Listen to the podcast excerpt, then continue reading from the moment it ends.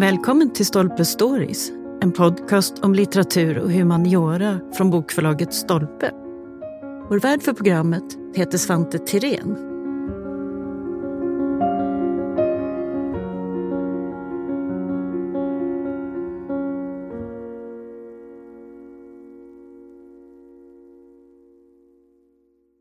På 1700-talet så blev naturaliesamlande högsta mode. Det var stenar, snäckskal, pressade växter och annat ur naturens skattkammare som blev eftertraktade samlarobjekt. Man tävlade om att få tag på de finaste sakerna och ibland så betalades skyhöga priser på den växande naturaliemarknaden.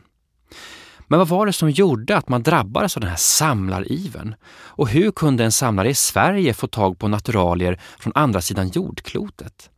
Ja, det ska vi ta reda på med hjälp av Hanna Hårdarts som är idéhistoriker vid Uppsala universitet. Hon har forskat om den naturaliehistoriska marknadsplatsen på 1700-talet och är med oss här idag för att förklara hur det gick till. Ja, välkommen hit Hanna! Tack så mycket! Bakgrunden till det avsnittet är en bok som handlar om naturaliesamlande på 1800-talet. Men nu ska vi gå in på 1700-talet och perioden innan. Men vi kan väl börja med att reda ut vad samlar en naturaliesamlare på? Ja, alltså naturalier syftar ju tillbaka till naturalhistoria. Och det är kunskapen om naturens tre riken. Djurriket, växtriket och stenriket. Och det var de som Linneva uppfann, höll jag på att säga. Det var de som han inventerade och hittade på nya protokoll och nya sätt att beskriva och ett nytt namnsystem också faktiskt. Så allt som mer eller mindre härstammar ur naturen, det kan ingå i en naturaliesamling? Det stämmer. Och man samlar ju på lite olika sätt beroende på vilken typ av material. Så växter till exempel, de kunde man ju torka och pressa. Och det gjorde man ju ofta så. Och klistrade fast på papper. Och de här pappersarken de kunde man lägga i sitt herbarieskåp. Eller så kunde man binda ihop dem till en bok och ställa dem i bokhyllan. Stenar, ja, beroende på storleken, så kunde man samla dem och liksom lägga dem i små lådor med etiketter på.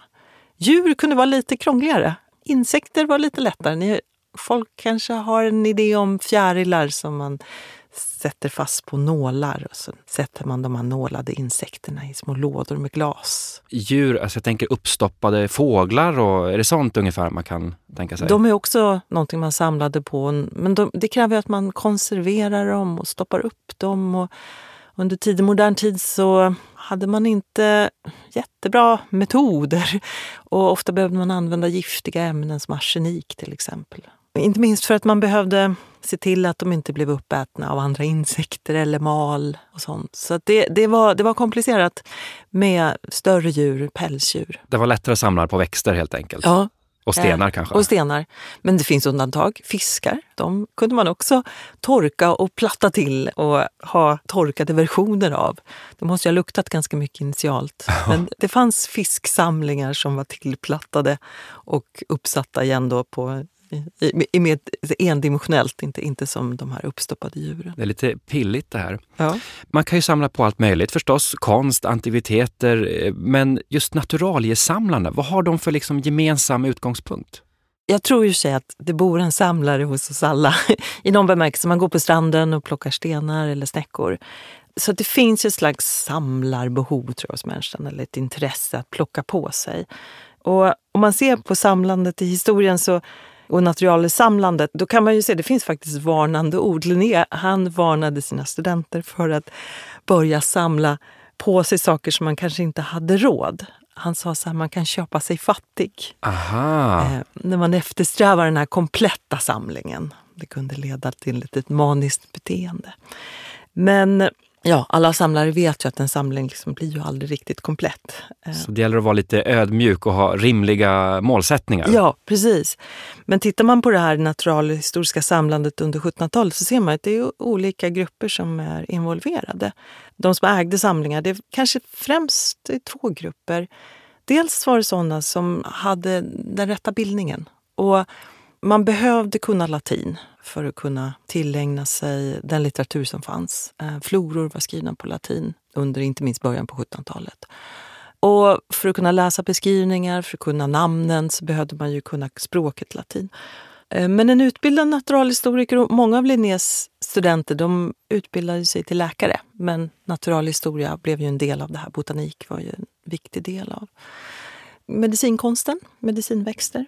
Eh, men de tillägnade sig det här och kunde verka som naturalhistoriska samlare. Och de samlade ofta på sig saker, växter som fanns runt om där de bodde. I provinsen, där de var provinsialläkare. Närområdet? Närområdet, ja. precis.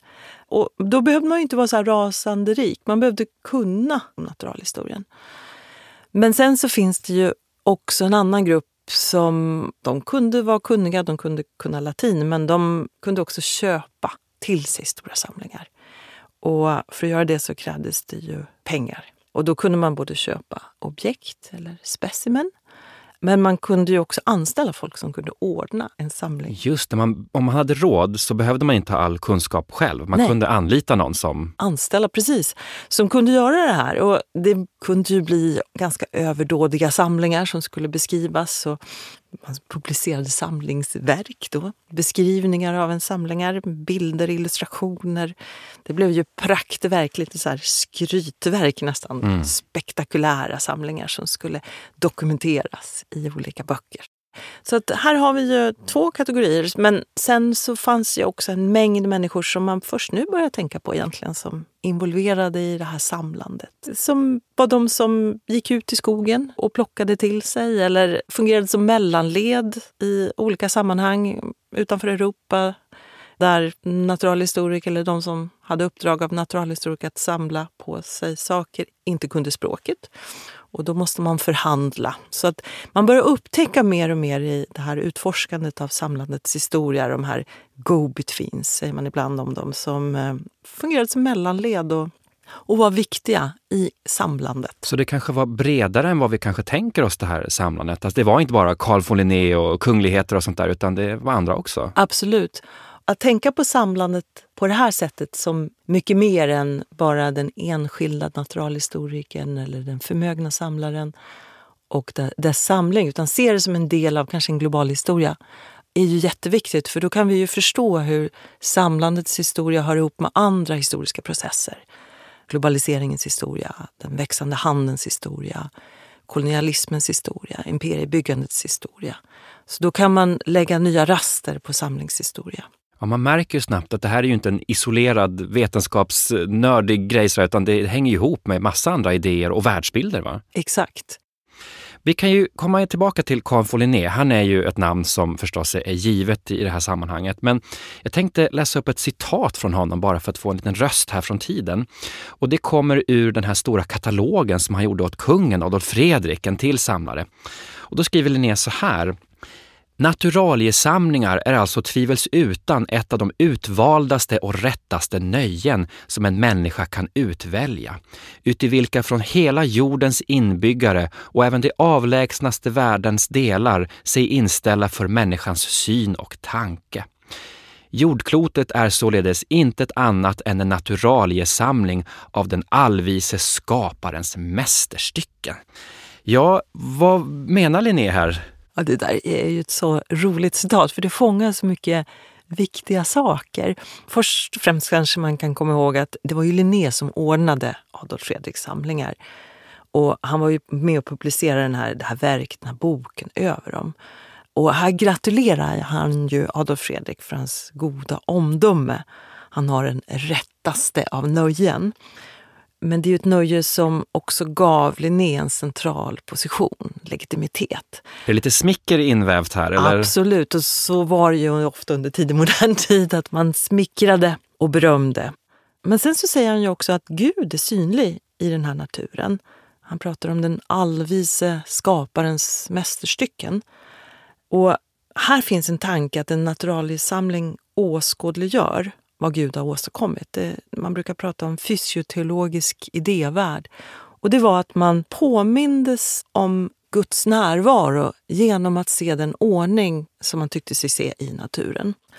Och Det här påminner ju oss om religionens centrala betydelse under i, i det tidomoderna Ja, för Sverige. det är väl en stor skillnad från idag, va? i vår sekulära tid där vi kan vara intresserade av natur och så på ett helt annat sätt. Här är det religionen som igen är, är närvarande. Ja, precis. Vetenskap och religion går hand i hand. Det här är ingenting som man behöver skilja på. Sen så lyfter ju Linné också fram värdet av att se för sig själv. Så det här citatet har ju den här delen att inställa för människans syn och tanke. Och här kan man ana vad som är en viktig princip för Linné, nämligen autopsi, alltså att se för sig själv. Så det här är empirismen som slår igenom, eller som har fått genomslag. Och vi kan se Linné pratar ofta om det här behovet eller värdet att ha sett någonting själv. Så i sina beskrivningar av arter så redogör han ofta för om man har sett arten själv eller om det var så att beskrivningen har skickats till honom, han har behövt lita på någon annans ögon. Eller om han har använt en illustration som utgångspunkt för sin beskrivning. Och det senare är mindre bra. För just det här att ha sett för sig själv, det var en, en viktig princip och det höjde värdet på en observation. Och är det här någonting nytt, det här med att man lyfter fram just den personliga upplevelsen här? Autopsin och, och är ju en del av det empiriska sättet att tänka och det går ju tillbaka till, till liksom sent 1600-tal. Men Linné gör dygd av det här. Det här är en viktig del av hur han tänker kring sin egen verksamhet. Man kan ju se, det får genomslag också i Linnés lärjungars resor. De ska se för sig själva, de ska samla in. De är en del av det här empiriska utforskandet av världen. Men sen finns det en del till som jag tycker är jättekul med det här citatet. Det är för att Linné gillar ju översikter. Han gillar ju att kunna se allt samlat framför sig.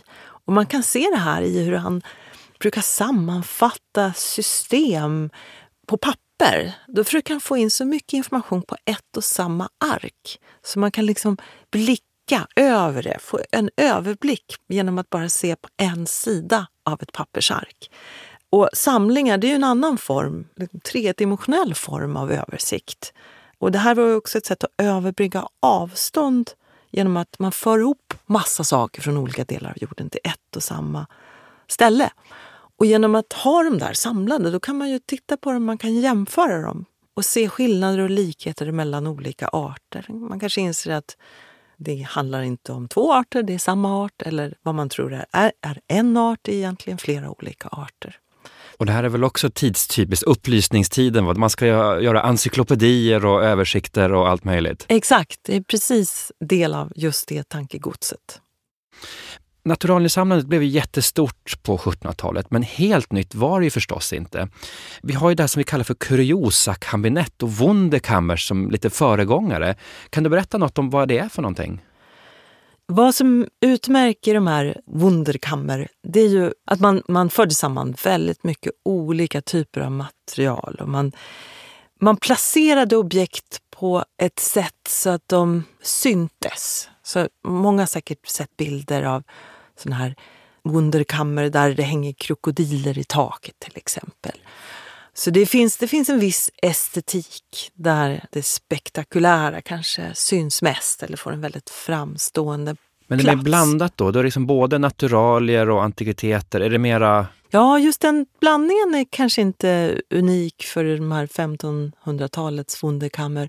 Men det, det här som 1700-talets samlare skulle beskriva som lite mer osystematiskt. Så att säga. Man blandade objekt från naturens olika riken och hade kanske mer en ambition att visa det som uppfattades som det mest spektakulära på ett speciellt sätt. Men det som skiljer då 1700-talets samlande, det var ju att man, det var mer en fas på taxonomi, inte minst då bland den typen av taxonomiskt utbildade människor som Linné och hans lärjungar.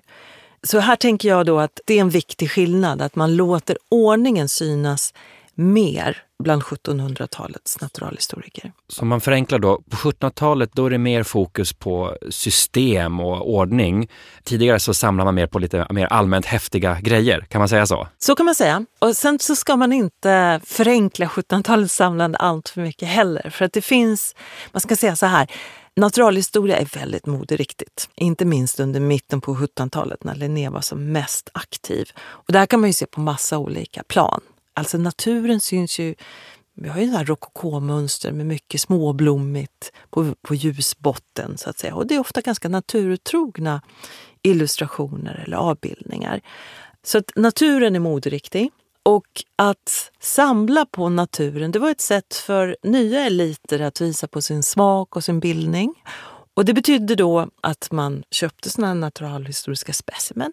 Men ofta var det så att man, man blandade, eller att här så ställde man ut kanske en vacker snäcka tillsammans med en antikvitet från Rom, en urna av något slag, kanske en porslinvas från Kina. Sen kanske man hade ett vackert draperat tyg i bakgrunden. Så man kombinerade liksom färg och form och gjorde kompositioner. Och så visade man hur, hur smakfull man var. Så väldigt estetiskt också på det sättet. Men det betyder alltså att det var inte bara passion och intresse, det kunde också vara lite strategiskt att få status och så? Absolut, och det här är ju inte motsägelsefulla motiv, utan det är saker, ambitioner och motiv som man kan kombinera. Men det är viktigt tycker jag att tänka på det här samlandet som en del av vad man eller historiker kallar konsumtionsrevolutionen. Eh, man börjar konsumera på nya sätt. Och vanligtvis brukar vi tänka på det här i former av, av ny konsumtion av textilier, av eh, porslin och så vidare. Men naturen hade också en del av den här konsumtionen. Ja, för då undrar man ju, idag så lever vi ju i ett helt sanslöst konsumtionssamhälle. Ja. Vi kan köpa saker från när och fjärran hela tiden. Men om man då vill ha till exempel ett snäckskal från Indien, säg, hur tog sig det här snäckskalet till Stockholm och samla den här? Ja, snäckor var ju supertrendigt under en stor del av 1700-talet.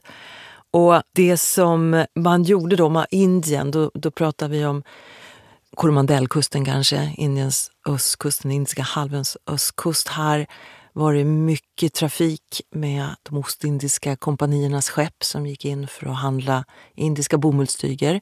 Så det fanns många företrädare för de här kompanierna som hade handelsstationer på kusten. Så vi kan nog ana att mycket material, snäckor av det här slaget, det kommer med brev. Folk skriver till sina kontakter och säger jag skulle gärna vilja ha snäckor av det här slaget.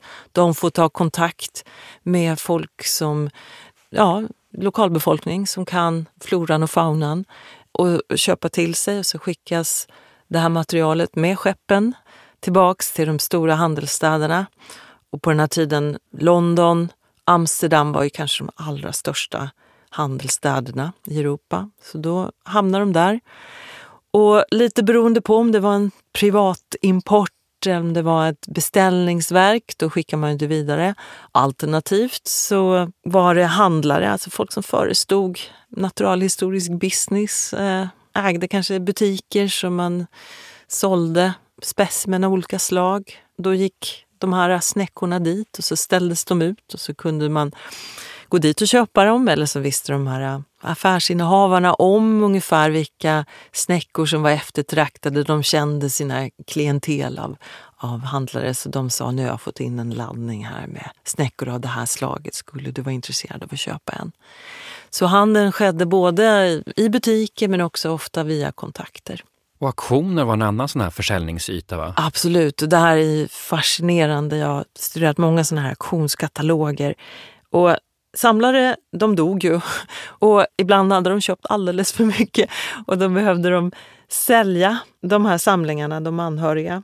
Och då så försålde man ofta på auktioner. Auktioner har ju den fördelen att eh, Dels så publicerade man auktionskataloger som man kunde sprida så det blev känt vad som var till salu. Auktioner som form av försäljning, det passar just när man har objekt som är svåra att sätta pris på. För då kan man ju se vad är intresset just nu för den här typen av snäcka. Och då sålde man dem på auktioner. Och, men för att ha de här auktionerna, för att kunna locka till sig folk så behövde de ju äga rum på ställen där det kom mycket folk. Så London och Amsterdam återigen är ställen där man säljer naturaliesamlingar på auktion. Så det är ett stort nätverk av agenter och auktionshus och handlare och kompanier helt enkelt som är med i det här? Då. Exakt. Det är en ganska svår övergripbar handel men man kommer åt det när man läser brev. Eh, man kan se hur handlare skriver till kända samlare och säger nu är det här på gång att sälja, skulle du vara intresserad? Så man väcker intresset innan auktionen äger rum. Men det här med trender är spännande också, för det ser man ju verkligen idag och det fanns redan då, som du nämnde här. Alltså att snäckskal under en period var det allra hetaste. Men vad hände sen? Ja, det går ju upp och ner där. Och ibland så kan man ju se hur individer, samlar, lägger väldigt mycket pengar på att köpa snäckor som inte har behållit sitt värde. Och här kan man ju jämföra med konstmarknaden som också växer sig väldigt stor under 1700-talet. Mästerverk från holländska konstnärer som Rubens till exempel, de har ju stigit och stigit i värde. Men snäckor som kanske köptes av samma individ idag är ganska värdelösa. Men sen har man också det faktum att snäckor har ju en fördel i att de, de har ju en slags materiell integritet. De kan ju bevara, de ser likadana ut, de torkar inte. Eller de, de bleknar inte. De bleknar inte, inte om man skyddar dem i alla fall. Man måste naturligtvis ta hand om dem, men andra typer av specimen som insekter eller torkade växter eller djur som jag pratade om tidigare, de är mycket mer fragila. Så de utsätts ju för tidens tand och förlorar också därför i värde. Så trenderna de speglar helt enkelt att det är olika beteendemönster va, i det här och att man värderar saker olika och man kan aldrig veta på förhand exakt vad något ska betinga ungefär. Nej, precis. Det som är intressant av det som sker under slutet på 1700-talet, början på 1800-talet är ju att bland museer och bland de som blir allt mer specialiserade inom vetenskapen så växer ett intresse för historiska samlingar där kända naturalhistoriker, som Linné till exempel, har varit aktiv.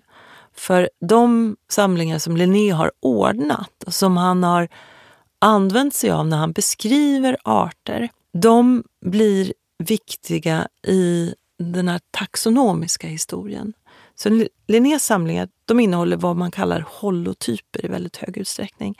Alltså det är, den, det är exempel på en art som Linné har utgått ifrån och som sen i efterhand har kommit att bli betecknad holotyp. Som är liksom det objektet och namnet förknippas och blir ett och de här holotyperna är väldigt signifikanta för det är de man hela tiden använder för att jämföra med om man hittar en ny art. Man hittar ju fortfarande väldigt många nya arter. Så det historiska värdet är någonting som man börjar upptäcka under slutet på 1700 och början på 1800-talet.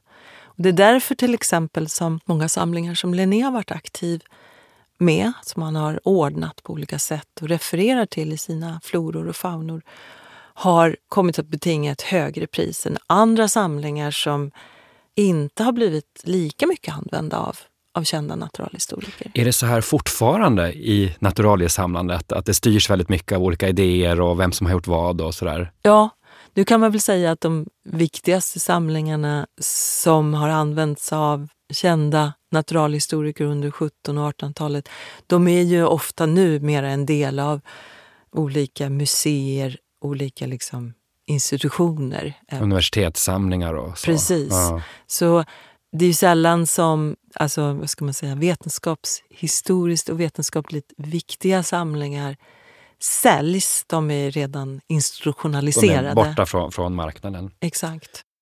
Man förstår ju att det fanns lite olika uppfattningar om det här samlandet. De som tyckte att det var statusfyllt och eftersträvansvärt och bildat. Men det fanns ju också de som tyckte att det här var det vi idag skulle kalla nördigt och lite insnöat. Och en var poeten Anna Maria Lenngren. Hon skrev i en dikt som heter Porträtterna från 1797 om den vittbereste presidenten som kände till flugors namn på greska och latin och som vetenskaplig bragd så hade han donerat en metmask till Vetenskapsakademin. Och man förstår ju att hon tycker att det här är väldigt banalt. Väldigt roligt. Det är den här satiren som slår igenom och på något sätt så kan vi förhålla oss till det här alla eh, Många kanske har någon slags föreställning om frimärkssamlaren som den inte alltför intressanta personen som är svår att konversera på en middag. Myntsamlaren likaledes. Men vi kan ana lite olika tänkesätt som ligger bakom det här, den här satiren också. Under det sena 1700-talet så blir det som fortfarande är en naturalhistoria mer inriktat på frågor som har med praktik och med jordbruk att göra. Och också att eh, cirkulera och sprida kunskap om hur man odlar på ett så produktivt sätt som möjligt. Så att man går lite bort från det här att taxonomin fyllde en viktig ekonomisk funktion. Linné lyckades ju ofta förena det ekonomiska tankesättet med det här mer inomvetenskapliga beskrivandet. Men det här blir mer särskilt under slutet på 1700-talet och, och mer praktikinriktat. Sen kan man ju säga att naturalhistorien blir ju mer komplicerad med tiden också. Man hittar ju hela tiden nya arter och det blir en mer specialiserad vetenskapsform och inte lika tillgänglig som förr. För det krävdes ju större och större samlingar och större och större bibliotek för att kunna hänga med och kunna liksom tillägna sig och också delta i den här diskussionen. Så att det blir för en, en mindre krets. Och det tror jag man kan ana lite i Lenngrens eh, satir. Men det är väl ungefär som idag, så nörderiet är ju både beundrat och hånat, eller hur? Exakt. Och sen så finns det ju också mycket av de här nya, vad ska man säga, Frankrike är ju, är, är ju under hela 1700-talet liksom modets centrum. Och i Frankrike så växer ju tidigast fram en kritik mot Linnés taxonomi. Den uppfattas som... Det var ju ett artificiellt system. Så Linné han räknade ju som bekant pistiller och ståndare för att kunna placera växter i olika klasser. Det här var ett artificiellt system. Och i, I Frankrike så var man tidigt ute efter att hitta taxonomiska system som beskrev den naturliga ordningen. Så att det fanns en allmän kritik mot det här artificiella systemet. Så det fanns också en inomvetenskaplig kritik av det linneanska. Till och med Linné hade sina kritiker. Absolut. Men du, en som inte följde Linnés råd, apropå det här med att ha rimliga krav på sin samling hur ska se ut, det var ju hertiginnan av Portland.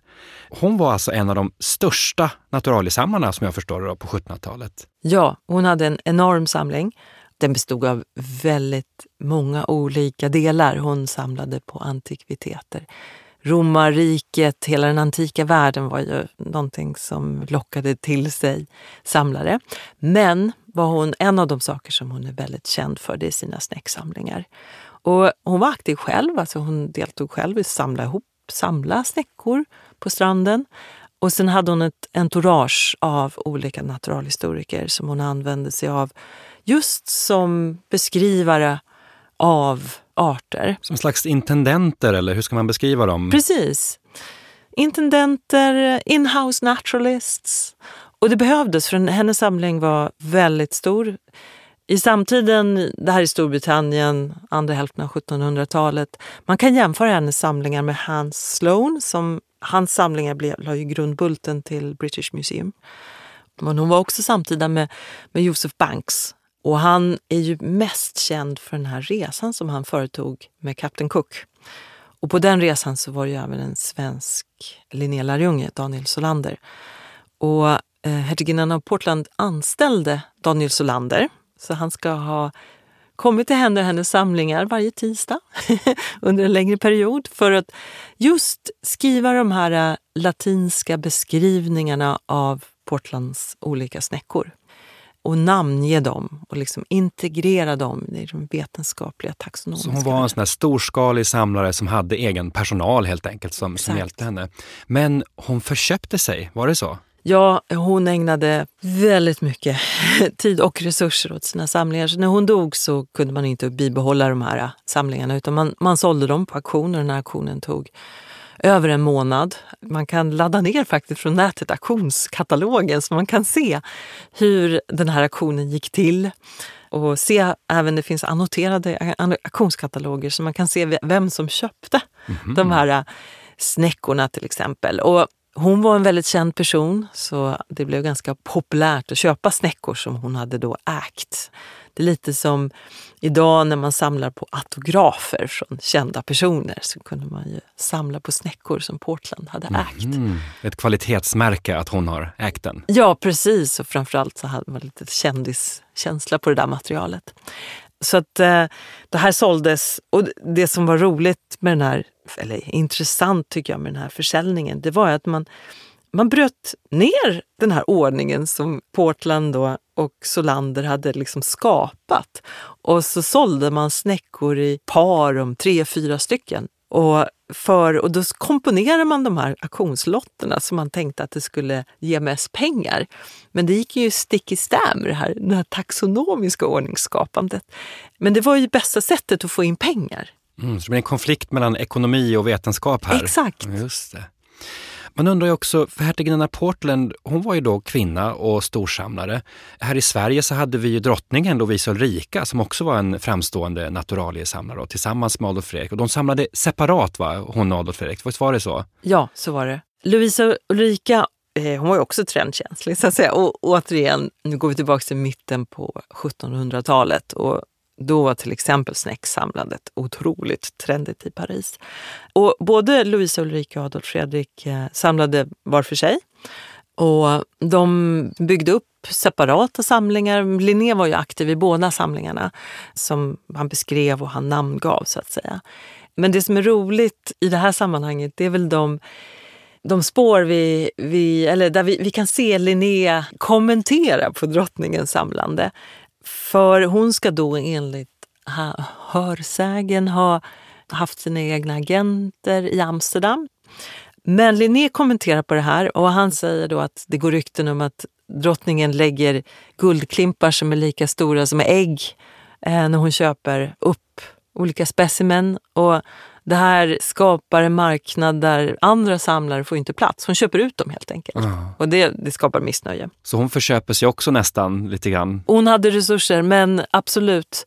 Och det visar också på att hur den här marknaden går ju upp och ner. Så när någonting blir populärt, då kostar det pengar. Och var det passande då för en kvinna på 1700-talet att eh, samla på naturalier? Det där är en jättebra fråga. För att å ena sidan ja, naturaliesamlandet var ju någonting som man kunde bedriva hemma hos sig. Man kunde studera växter i sin trädgård. Så att säga. Så det var inte minst kanske i Storbritannien, i England. Där ansågs botanik framförallt vara en sysselsättning, ett intresse som passade kvinnor. Men man kan ju också säga att det fanns något av ett naturalhistoriskt glastak. Och det hade att göra med utbildning. Många kvinnor kunde ju inte latin så de hade ju svårt att bidra till det här taxonomiska samtalet som skedde på andra ställen. Men det fanns kvinnor som deltog på lite andra sätt, inte minst som illustratörer. Att kunna beskriva någonting exakt, det var ju Linnés, eh, kanske en av hans absolut främsta egenskaper. Men att kunna avbilda exakt var också viktigt.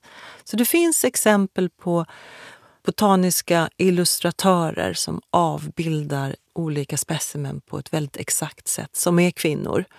En som var Mary Delany. Hon var en av Portlands kvinnliga entourage och skapade väldigt vackra collage som också ansågs ha ett vetenskapligt värde för de var så exakta. Så de fanns i någon slags eh, bild av att eh, det här med hemmet är en, den tolerabla sfären för kvinnor och där så kunde samlandet äga rum. Så på så vis hade de en nyckel in i det här. Ja precis. Mm. Och jag tror att idag tänker vi att vetenskapen hör hemma på universitet, på institutioner etc. Men hushållet och hemmet var ju en väldigt viktig enhet under tidig modern tid. Så Linné hade ju sina samlingar hemma hos sig. Och i ett hushåll så finns det ju väldigt många olika människor och de utför viktiga uppgifter. Och Linné han utbildade sin son så han skulle efterträda honom. Nu var han ganska ogenerös gentemot sina döttrar men det finns andra exempel på hur kvinnor som barn till naturalhistoriker blir en del av det naturalhistoriska beskrivandet och samlandet. Samlingar behöver skötas om, man måste se till att de inte förfaller, att man skyddar dem från insekter. Allt det här är en del av, blir ju en del av en hushållssyssla. Och sen har vi det här med illustrationer också. Just den här boken handlar ju om en naturaliesamling på Engelsbergs bruk i Västmanland skapad på 1800-talet av eh, familjen Tim. Men det finns ju ganska många sådana här små och stora naturaliesamlingar bevarade runt omkring. Vad kan man använda de här till idag? Vad ska vi liksom göra av alla de här torkade blommorna och insekterna och stenarna som kan dyka upp i olika samlingar? Ja, på ett sätt är de ju lite problematiska. Inte minst zoologiska samlingar som är svåra att hantera just för att de kan innehålla gifter. Och så tar de ju plats och de kan vara dyra, dyrbara att bevara. Men samtidigt så tycker jag att de berättar ju väldigt mycket historia. Så man kan ju använda dem för att studera vetenskapliga nätverk. och hur vetenskapliga tankar utvecklas och får genomslag. Och sen, och det här tycker jag är jätteintressant också, man kan se globalisering och även kolonialismens historia i samlingar. Hur kedjor av människor och kontakter liksom etableras och utvecklas. Och som vi var, kanske varit inne på tidigare, det här att man, man kan ana aktörsgrupper som lätt glöms bort. Jag har lusläst Adam Afzelius dagboksanteckningar och brev när han är i Freetown i Sierra Leone. Och där kan man ju se vilka personer som är jätteviktiga för honom av ursprungsbefolkning som hjälper honom att hitta olika arter som förklarar för honom vad de heter på de lokala språken, hur de används. Så man får här en, en slags lokal kunskap som kanske inte syns i de botaniska och andra publikationer som Afzelius gav ut. Men läser man dagböcker och brev så kommer man åt dem. Och deras historia blir ju annars lätt bortglömd. Och överhuvudtaget så kan det vara svårt att komma åt den här typen av information. Men följer vi objekten och följer vi samlingarna så kan vi blottlägga de här nätverken, alla de människor som är involverade. Och så kan vi se hur kontaktytorna växer till under 1700-talet. Så vi kan se de här stora historiska förändringarna i ett objekt eller i en samling av objekt. Så egentligen berättar de här samlingarna mer om människorna va? än om naturen? Kan man säga så? Ja, alltså idag har vi ju så många fler metoder att studera naturen på. För Linné var ju det morfologiska utseendet det viktiga, men nu har vi DNA-teknik. Så vi kan ju se hur olika arter är släkta med varann. Och vi kan ju se och inte minst, och det här är ju otroligt intressant, hur, hur var, liksom, jordens historia har förändrat, hur DNA-analyser kan vi studera folkvandringar med hjälp av och vi kan se så mycket mer av alltså det som vi tänker på är historia. Historia i naturalhistoria är egentligen samma sak som att man beskriver världens tillstånd, alltså vad världen innehåller. Det är ju det, på så sätt historia används i naturalhistoria. Men idag så kan vi ju verkligen se historien som en lång process, en evolution. Men det kräver ju en annan typ av analys, en ny typ av analys. Men kort sagt så de innehåller väldigt mycket kunskap om människor, kontakter, världsbilder, ganska mycket utöver det rent naturvetenskapliga. Absolut. Ja, vi får se i framtiden hur de här samlingarna kommer att hanteras. Stort tack för att du kom hit, Hanna. Tack för att jag fick vara här. Det var jätteroligt.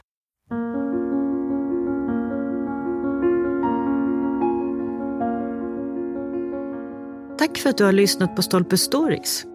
Missa inte att du som lyssnar har 20% rabatt på bokförlaget Stolpes titlar hos Bokus.com. Aktivera rabatten genom att ange koden STOLPE20. Och för att lyssna på fler avsnitt, följ oss där poddar finns och på sociala medier.